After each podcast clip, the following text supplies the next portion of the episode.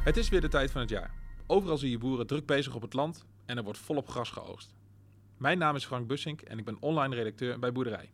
Ik zit hier met Thomas van Tetering van DLF Seeds and Science. Thomas, welkom. Kan je eerst iets meer over jezelf vertellen? Ja, ik ben uh, Thomas van Tetering, uh, 28 jaar, ondertussen alweer uh, vijf jaar werkzaam bij DLF in, in Capelle in Zeeland. En ik ben hier vanuit de has meteen gaan beginnen met werken. Mhm. En ik ben eigenlijk een beetje de graskenner bij het bedrijf, want ik moet natuurlijk van alles moet ik weten, om, van productontwikkeling tot, uh, tot nieuwe mengsels en advies bij de boeren en uh, Mhm. bij onze Ja. grote klanten. Ja. Dus echt uh, van de techniek tot de marketing en de nieuwe productontwikkeling. Ja, precies. Dus jouw leven draait eigenlijk om gras. Kan ik zo stellen? Afgelopen paar jaar draait het behoorlijk veel om gras. Ja, Ja, precies, ja, En, ja. eh, Nou, kom mooi uit, want daar wil ik het vandaag ook met je over hebben, over gras. Want eh, de, de grasdag die komt eraan. Ehm, het gaat steeds vaker over eh, grasmanagement. Eh, wat, wat is dat precies? Aan management is natuurlijk, de naam zegt het al, het is naar het, het gras kijken, kijken wat het doet. Mhm. Maar ook weten wat kun je nou ma- maximaal uit je gras gaan halen natuurlijk. Ja. Kijk, je kunt zien, gras is altijd groen en eh, het groeit altijd wel. Mhm. Maar echt gaan meten en weten wat er gebeurt op je, op je land is natuurlijk wel belangrijk. En Ja, ook gaan kijken, kan ik het maximale potentie eraf halen in de zin van opbrengst, maar ook kwaliteit. Mhm, Ja. En hoe kun, je, hoe kun je daarop sturen? Daar kun je op heel veel manieren mee sturen. Kijk, het enige wat je niet in de hand hebt is natuurlijk het weer. Mhm. Maar aan de andere kant kun je natuurlijk wel heel veel sturen op wat voor grasmengsels kies ik. Ja. Of voor bemesting pas ik toe. Ja. Eh, kunstmest of drijfmest of andere meststoffen. Ja, precies. Maar ook natuurlijk het maaimanagement is heel belangrijk. Van wanneer Mhm. ga ik maaien, hoe hoog ga ik maaien. Ja. Dat zijn allemaal invloeden die heel belangrijk zijn voor het management. Je noemde even eh, welk, welk, welk, welke- welk gras kies ik. Eh, er zijn heel veel verschillende soorten gras. Eh, op basis van welke factoren moet je als melkveehouder eh, een keuze maken en welke keuze past dan precies bij bijvoorbeeld een bepaalde regio? Kun je dat eens, eens uitleggen? Nou ja, grassen is natuurlijk eigenlijk een van de grootste gewassen ter wereld. Er bestaan misschien wel 8000 grassen in de wereld en in de natuur. Maar er zijn er maar een stuk of twintig die echt veredeld zijn. En eigenlijk zijn er ook maar een handjevol die we in Nederland gebruiken. Mhm. Met name Engels rijgras is denk Mhm. ik voor 80 of misschien wel 95% in Nederland het hoofdmotor, de hoofdmotor van de, van de weilanden. Omdat het ook verblijvend grasland is. Ja, precies. Zie, je daar een verandering in? In de, de afgelopen jaren hebben we natuurlijk eh, redelijk wat te maken gehad met, eh, met droogte. Zie je, dan, zie je dan dat er een verandering komt in grassoorten die worden gekozen? Die bijvoorbeeld meer droogte-resistent zijn bijvoorbeeld? Ja, daar was zeker meer vraag naar. Kijk, in het verleden was Engels rijgras echt altijd alleen maar wat er gebruikt werd. Maar nu zie je inderdaad vanwege die droogtetolerantie ook andere soorten die meer gebruikt worden, zoals Vestololium. Maar ook weer oude soorten komen terug, zoals beenblangbloem, rietswenktypes. Die zijn ook nog steeds interessant. Eh, maar ook aanvulling van andere soorten, zoals vlinderbloemige. Denk, aan, denk daarbij aan klavers en luzerne. Oké, interessant. En eh, wanneer gebruik je nou wel- welk soort? Het ligt natuurlijk ten eerste aan van is het een blijvend grasland of een tijdelijke weide. Mhm. Bij tijdelijke weiden ga je naar hele andere grassoorten toe die ook niet langer mee kunnen dan drie, vier jaar. Dan denk je bijvoorbeeld bij aan Italiaans, Vestololiums, eh, maar ook tijdelijke klaversoorten. Eh, en die combinatie kun je dus kiezen. Maar ga je naar blijvend grasland is het vaak een combinatie van Engelse rijkgras, bijvoorbeeld met Timothée aangevuld. Mhm. Ja. ja, precies. En wat zijn, zie je daar, bedoel, jullie doen in, in, eh, in heel Nederland, ook een stukje België volgens mij. Ehm, zie, zie je dan verschil in vraag tussen boeren uit het noorden van Nederland en het zuiden van Nederland? En waar, waar zit dan dat verschil in? Nou, het verschil zit zeker in grondsoort. Op bepaalde gronden kun je natuurlijk niet alles laten groeien, maar over het algemeen goed gras eigenlijk op alle grondsoorten wel redelijk goed. Mhm. Uh, maar je ziet wel bijvoorbeeld in de uiterwaarden, waar het wat natter is, uh, wat meer met vocht te maken hebt, moet je naar andere soorten, zoals beenblangbloem of vestololiums, die toch beter tegen die natte omstandigheden kunnen. Mhm. En ga je naar de hoge zandgronden in het oosten, waarbij Ja. je echt met die droogte te maken hebt, moet je misschien kijken naar andere typen zoals rietswenk.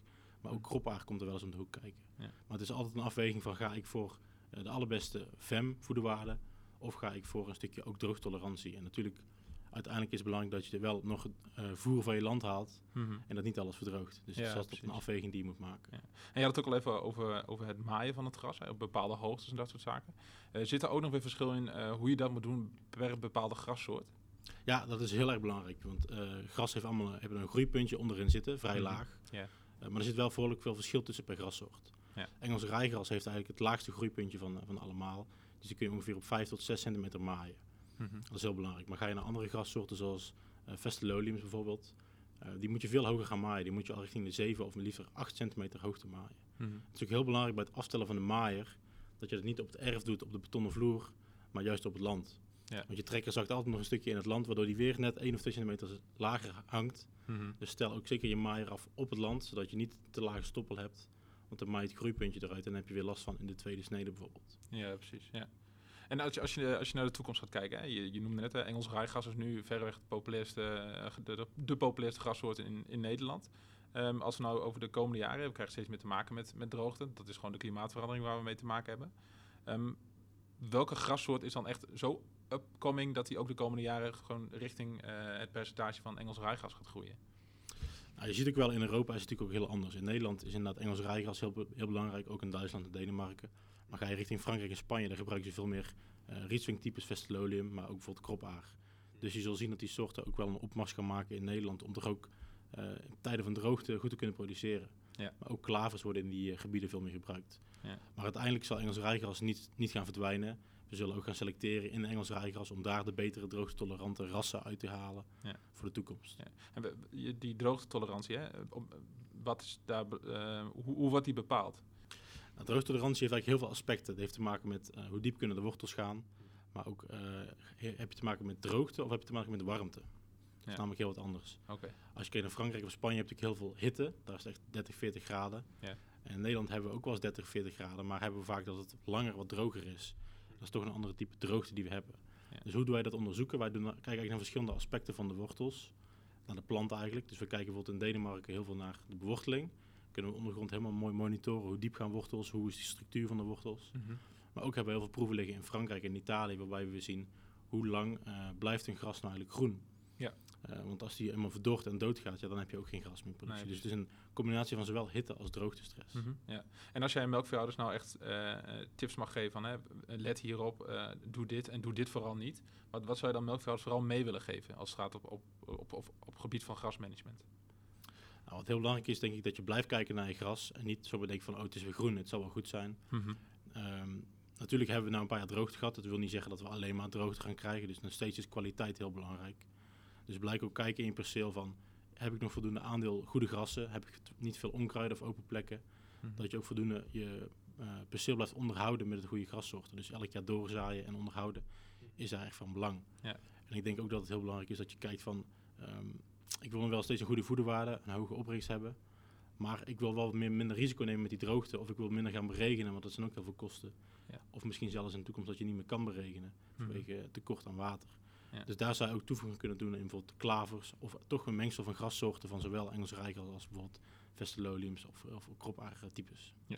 Eh, Thomas, ik stel je bent een melkveehouder en eh, je bent heel erg gericht op bewijden. Welke, welke grassoorten raad je dan aan? En bij beweiden ben je natuurlijk iets meer gelimiteerd aan, eh, aan de draagkracht. En je wilt ook vroeg eh, het land op kunnen. Dus dan ga je toch nou eigenlijk weer terug naar Engels rijgras, wat we altijd al, altijd al gebruikt hebben. Eh, maar ook binnen Engels rijgras kun je heel veel, heel veel types kiezen natuurlijk. Mhm. Eh, we hebben heel veel vroeg doorschieten die echt al begin mei doorschieten. Maar ook types die pas veel later, zeg maar begin juni gaan doorschieten. Dus daar ook kun je keuze in maken van ik ga naar een mengsel die, die veel vroeger is. Waarbij je dus ook al vroeger zou kunnen gaan bewijden. Mhm. Maar natuurlijk blijft bij bewijden wel heel belangrijk dat de draagkracht goed is. Want eh, als het nog te nat is en het, het gaat niet, dan, dan lopen de koeien het perceel ook kapot. Mhm. Dus dat is zeker echt belangrijk. En stel je, je wil als melkveehouder, eh, je hebt besloten om een, een, perceel helemaal opnieuw in te zaaien. Eh, wa- waar moet je dan naar kijken? Nou, ik denk zeker in deze tijd is het goed om te kijken naar ook de dingen die spelen nog los van de opbrengst en de droogte, maar ook andere thema's. Denk aan eiwitproductie, denk aan stikstofefficiëntie. Alles is belangrijk. En als je dan kijkt naar nieuwere mengsels, nieuwere genetica, eh, die heeft sowieso een hogere potentie in opbrengst. Die, die kunnen gewoon eh, een paar ton meer ophalen. Dus wat een vergelijk maakt tussen oud grasland en, en nieuw grasland. Een slecht grasland zit ongeveer op een eh, opbrengst van 8 ton. En nieuwe rassen kunnen al richting de 12 ton droogstofopbrengst gaan. Dus dat is bijna een verschil van 4 ton tussen een grasland wat misschien 20 jaar geleden ingezaaid is en wat je Mhm. nu met nieuwe rassen kunt inzaaien. En dan Ja. praten we puur over gewoon Engels rijgras. Ja. Eh, en wil je echt nog stappen maken naar nog hogere opbrengsten, kun je bijvoorbeeld gaan voor bewijding eh, of voor maaien, ook echt richting Vestololiums, die daar nog eens een keer 20% bovenop gaan. En, eh, en als je wilt doorzaaien, welke, welke grassoorten raad je dan aan? Bij doorzaaien is vooral belangrijk dat je ook kijkt van wat is de bestaande zode die je op dit moment hebt. Is het een tijdelijke weide ga je me- meestal niet doorzaaien, want dan gaat het na een paar jaar toch op de kop. Doorzaaien is eigenlijk altijd bij blijvend grasland. En dan ga je toch kijken van hoe kan ik nou goed doorzaaien dat het ook goed effect heeft. Eh wij maken vaak een mengsel, een combinatie van Engels rijgas, diploïd en tetraploïd. En de reden dat we eigenlijk tetraploïd in doen, omdat die zaadjes zijn wat zwaarder, wat grover. Mhm. Dus je hebt een beter bodemcontact, waardoor je dus eigenlijk een effectievere kieming krijgt en ook een betere aanslag. Ja, Want precies. ja, het kost toch al geld, dus je wil ook dat het doorzaaien slaagt. Ja. Nou, doorzaaien is ook heel belangrijk dat je het moment kiest van doorzaaien. Ehm, je wil dat er namelijk voldoende bodemtemperatuur is. Dus in het voorjaar is het vaak nog wat, wat lastig. Uh, maar ook voldoende bodemvocht. Dus eigenlijk als je, je kunt ze wel in het voorjaar als het najaar doorzaaien. Maar het grootste slagingspercentage zien we toch eigenlijk in augustus, september. Wanneer voldoende vochtig is, maar ook nog steeds uh, vrij warm is in de bodem. Ja. Is, is, je, je noemt augustus, september. De afgelopen zomers waren best droog. En, en warm. Dus dan kan ik me voorstellen dat, dat de bodem die, die, die is warm genoeg om, om, om door te zaaien. Maar zit het dan wel goed met de, met de, met de vochthuishouding in, in de bodem dan? Omdat ja, je krijgt steeds meer drogere zomers. Is dan niet dat, dat dat moment nog verder opschuift? Bijvoorbeeld naar oktober? Nee, dat, dat maakt eigenlijk niet zoveel uit. Want zodra er, uh, even als voorbeeld, je zou zaaien in een droge grond. En dat zou drie weken droog blijven. Dan gebeurt er ook niks met het zaadje. En zodra er vocht komt, gaat het zaadje alsnog kiemen. Dus dan zou je, je kunt eigenlijk beter te vroeg zaaien dan te laat. Mm -hmm. Want als je natuurlijk in een hele natte omstandigheden gaat zaaien, krijg je weer andere problemen en uh, bodemstructuur die je, die je kan verpesten eventueel. Ja, precies. Gewoon een kwestie van geduld eigenlijk. Het is vaak een kwestie van geduld, ja. Ja, ja precies. En dan nog over de, de, als je veel opbrengst wil halen van je, van je grasland, um, waar moet je dan vooral op letten? Als je, dat, als je je opbrengsten wil verhogen, zeg maar. Je noemde net wel even van uh, met, met opnieuw helemaal inzaaien. Maar zijn er ook uh, manieren om dat zonder helemaal opnieuw in te zaaien te doen? Bijvoorbeeld door doorzaaien? Nou ja, wat ik al zei, door nieuwe genetica toe te brengen aan je grasland, dat kan het ook door doorzaaien. Um, nou, ik zou zeggen, kijk eens een keer naar de rassenlijst. Daar zie je ook dat er geen enorme spreiding zit tussen een ras van tien jaar geleden en een ras wat dit jaar op de rassenlijst is gekomen. Daar zit echt wel potentieel uh, veel verschil in. Maar natuurlijk in management kun je ook heel veel sturen. Ja. Ik zeg altijd, de genetica, de grasrassen, is, het, is maar één deel van het hele plaatje. Ja. Een ander deel is het weer. En een ander deel is gewoon het management. Als je keer op keer uh, te kort wil maaien omdat je de hoogste opbrengsten af wil halen, ja, dan gaat het gras daar ook van lijden op een gegeven moment. Ja. Dus je wil ook zorgen dat je zoden uh, goed dicht kan groeien en dat die goed kan herstellen elke keer. En daarbij is het ook belangrijk om op het juiste moment te gaan bemesten. Bijvoorbeeld uh, na de eerste snede weer een mooie bemesting te geven, dat er weer een goede doorgroei komt voor de tweede snede. En zo op die manier de potentiële opbrengst te kunnen behalen. Ja. En Thomas, klaver, dat zien we ook steeds meer in opkomst. Kun je daar wat over vertellen? Nou, klaver is natuurlijk een hele mooie aanvulling in je grasland in meerdere vlakken. Het, het is goed voor de bodemstructuur. Het, het, brengt een stukje stikstof eigenlijk gratis uit de lucht. Het is een stikstofbindend gewas. Maar ook natuurlijk meer eiwit in het product. En ook daarnaast nog een stukje droogtolerantie, wat ook weer bijdraagt aan het totaalplaatje. Ja. We zien ook wel dat klaver ook wel echt een uitdaging is voor de veehouderij. Nou, ik kom ook vaak in Denemarken bij mijn collega's en daar is het eigenlijk standaard om klaver te gebruiken in je weiland. Ja. Ja, in Nederland is het nog niet standaard helaas, omdat het ook lastig is om het management in, op peil te houden. Je ziet vaak uh, een mengsel van rode en witte klaver. Uh, rode klaver die zal op een gegeven moment wel verdwijnen, maar witte klaver kan ook heel agressief zijn. Ja. Daarom is het wel belangrijk dat je daar uh, je management op afstemt. Bijvoorbeeld ga je klaveraandeel, wordt het eigenlijk te hoog dan dat je wil. Hmm. Gaat het dan wat korter maaien of gaat de bemesting iets opkrikken? Waardoor je de klaver een beetje kunt verdrijven. En dat kan ook weer de andere kant op. Ja. Heb je te weinig klaver, kun je op deze manier het klaveraandeel verhogen. Ja. Ja, volgens mij is klaver echt wel uh, ook heel goed uh, toe, uh, toe, te passen in, in tijdelijk grasland. Um, zie je daar ook steeds meer veranderingen komen in wat er in, ingezaaid wordt in, in tijdelijk grasland? Ja, daar zien we zeker veel veranderingen. Vroeger was eigenlijk de standaard was, Italiaans rijgras. Dat ging eigenlijk één of twee jaar mee. Mm -hmm. maar we willen toch naar iets langere periodes, omdat één of twee jaar toch te kort is. Mm -hmm. En mooi in het bouwplan met maïs kun je natuurlijk zeggen, ik ga wat gras telen voor drie, vier jaar. En daar hebben we als DLF nieuwe grassoorten voor veredeld, jaren geleden al. Dat zijn de Vestololiums, dat zijn eigenlijk een kruising van, uh, van Italiaans en, uh, en Rietzwing-types. En ook Been-Blankboom-types. En daarmee hebben we dus een stukje betere standvastigheid in kunnen kruisen. Die zowel drie tot vier jaar mee kunnen gaan, de Rietzwing-types. Die dus hebben ze eigenlijk een betere standvastigheid dan, dan we volledig vroeger hadden. Mm -hmm. Maar nog wel met een hele goede opbrengst en ook nog steeds een goede voederwaarde. Ja. En ook hebben we de, de rijgrastypes. Die zijn wat meer uh, kortdurend. Die gaan eigenlijk 1 tot 3 jaar mee uh, voor de kortdurende graslanden. Maar juist die combinatie, omdat die zoden wat opener is, uh, heb je ook meer ruimte om die klaver ertussen te zaaien. En dan zien we ook vaak dat daar de keuze gaat naar de rode klaver. Soms met nog een beetje aangevuld met de witte klaver. Mm -hmm. En die krijgt daar ook de kans om dat te groeien. Ja. En eigenlijk versterken die soorten elkaar heel erg. Je ziet ook met name dat uh, een klaver dus die stikstof bindt. En die geeft die ook af aan de, aan de grassoorten. Dus je ziet vaak, ga je klavers toevoegen, uh, verbeter je niet alleen maar ook de, de kwaliteit, maar ook nog eens een keer de opbrengst in totaliteit. En spaar je eigenlijk meststof uit die je weer elders uh, kunt geven aan een perceel waar geen klaver staat. Hm. Zie, zie je verschil in de, de vraag vanuit intensieve of en extensieve bedrijven? Ja, dus je met name natuurlijk de, de keuze tussen, wil je heel veel tonnen van je land afhalen of wil je heel kwalitatief goed gras van je land afhalen. En daar maken we in DLF ook heel, heel erg duidelijk onderscheid in dat we met name kijken naar wil je gaan voor de hoogste voederwaarde, voor de hoogste VEMS. Uh, kijk dan naar uh, de voedergrassen zoals Engels rijgras. En dan maken we nog een stapje verder dan de rassenlijst, dat noemen we DLF Fiber Energy. En dan kijken we echt naar de celwandverteerbaarheid. Mm En dan kijken we ook die grassen, die zijn dus uh, misschien niet de allerbeste opbrengende grassen, nee. maar die zorgen wel voor de beste voederwaarde. En er tegenover staan dan weer de beste loliums die wij hebben, waarbij je dus niet gaat voor de beste voederwaarde, maar gaat voor tonnen per hectare. Dus dan ga je niet meer voor die 12 ton of misschien 14 ton, maar dan ga je echt voor nog meer tonnen. 15, 16 ton per hectare. Ja.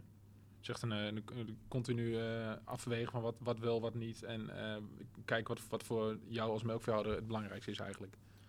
Ja, nee, het, is, zeker wat je wil. Ga je inderdaad voor de allerhoogste voederwaarde of ga je voor, ik wil zo hoog mogelijk beeld hebben op de kuil.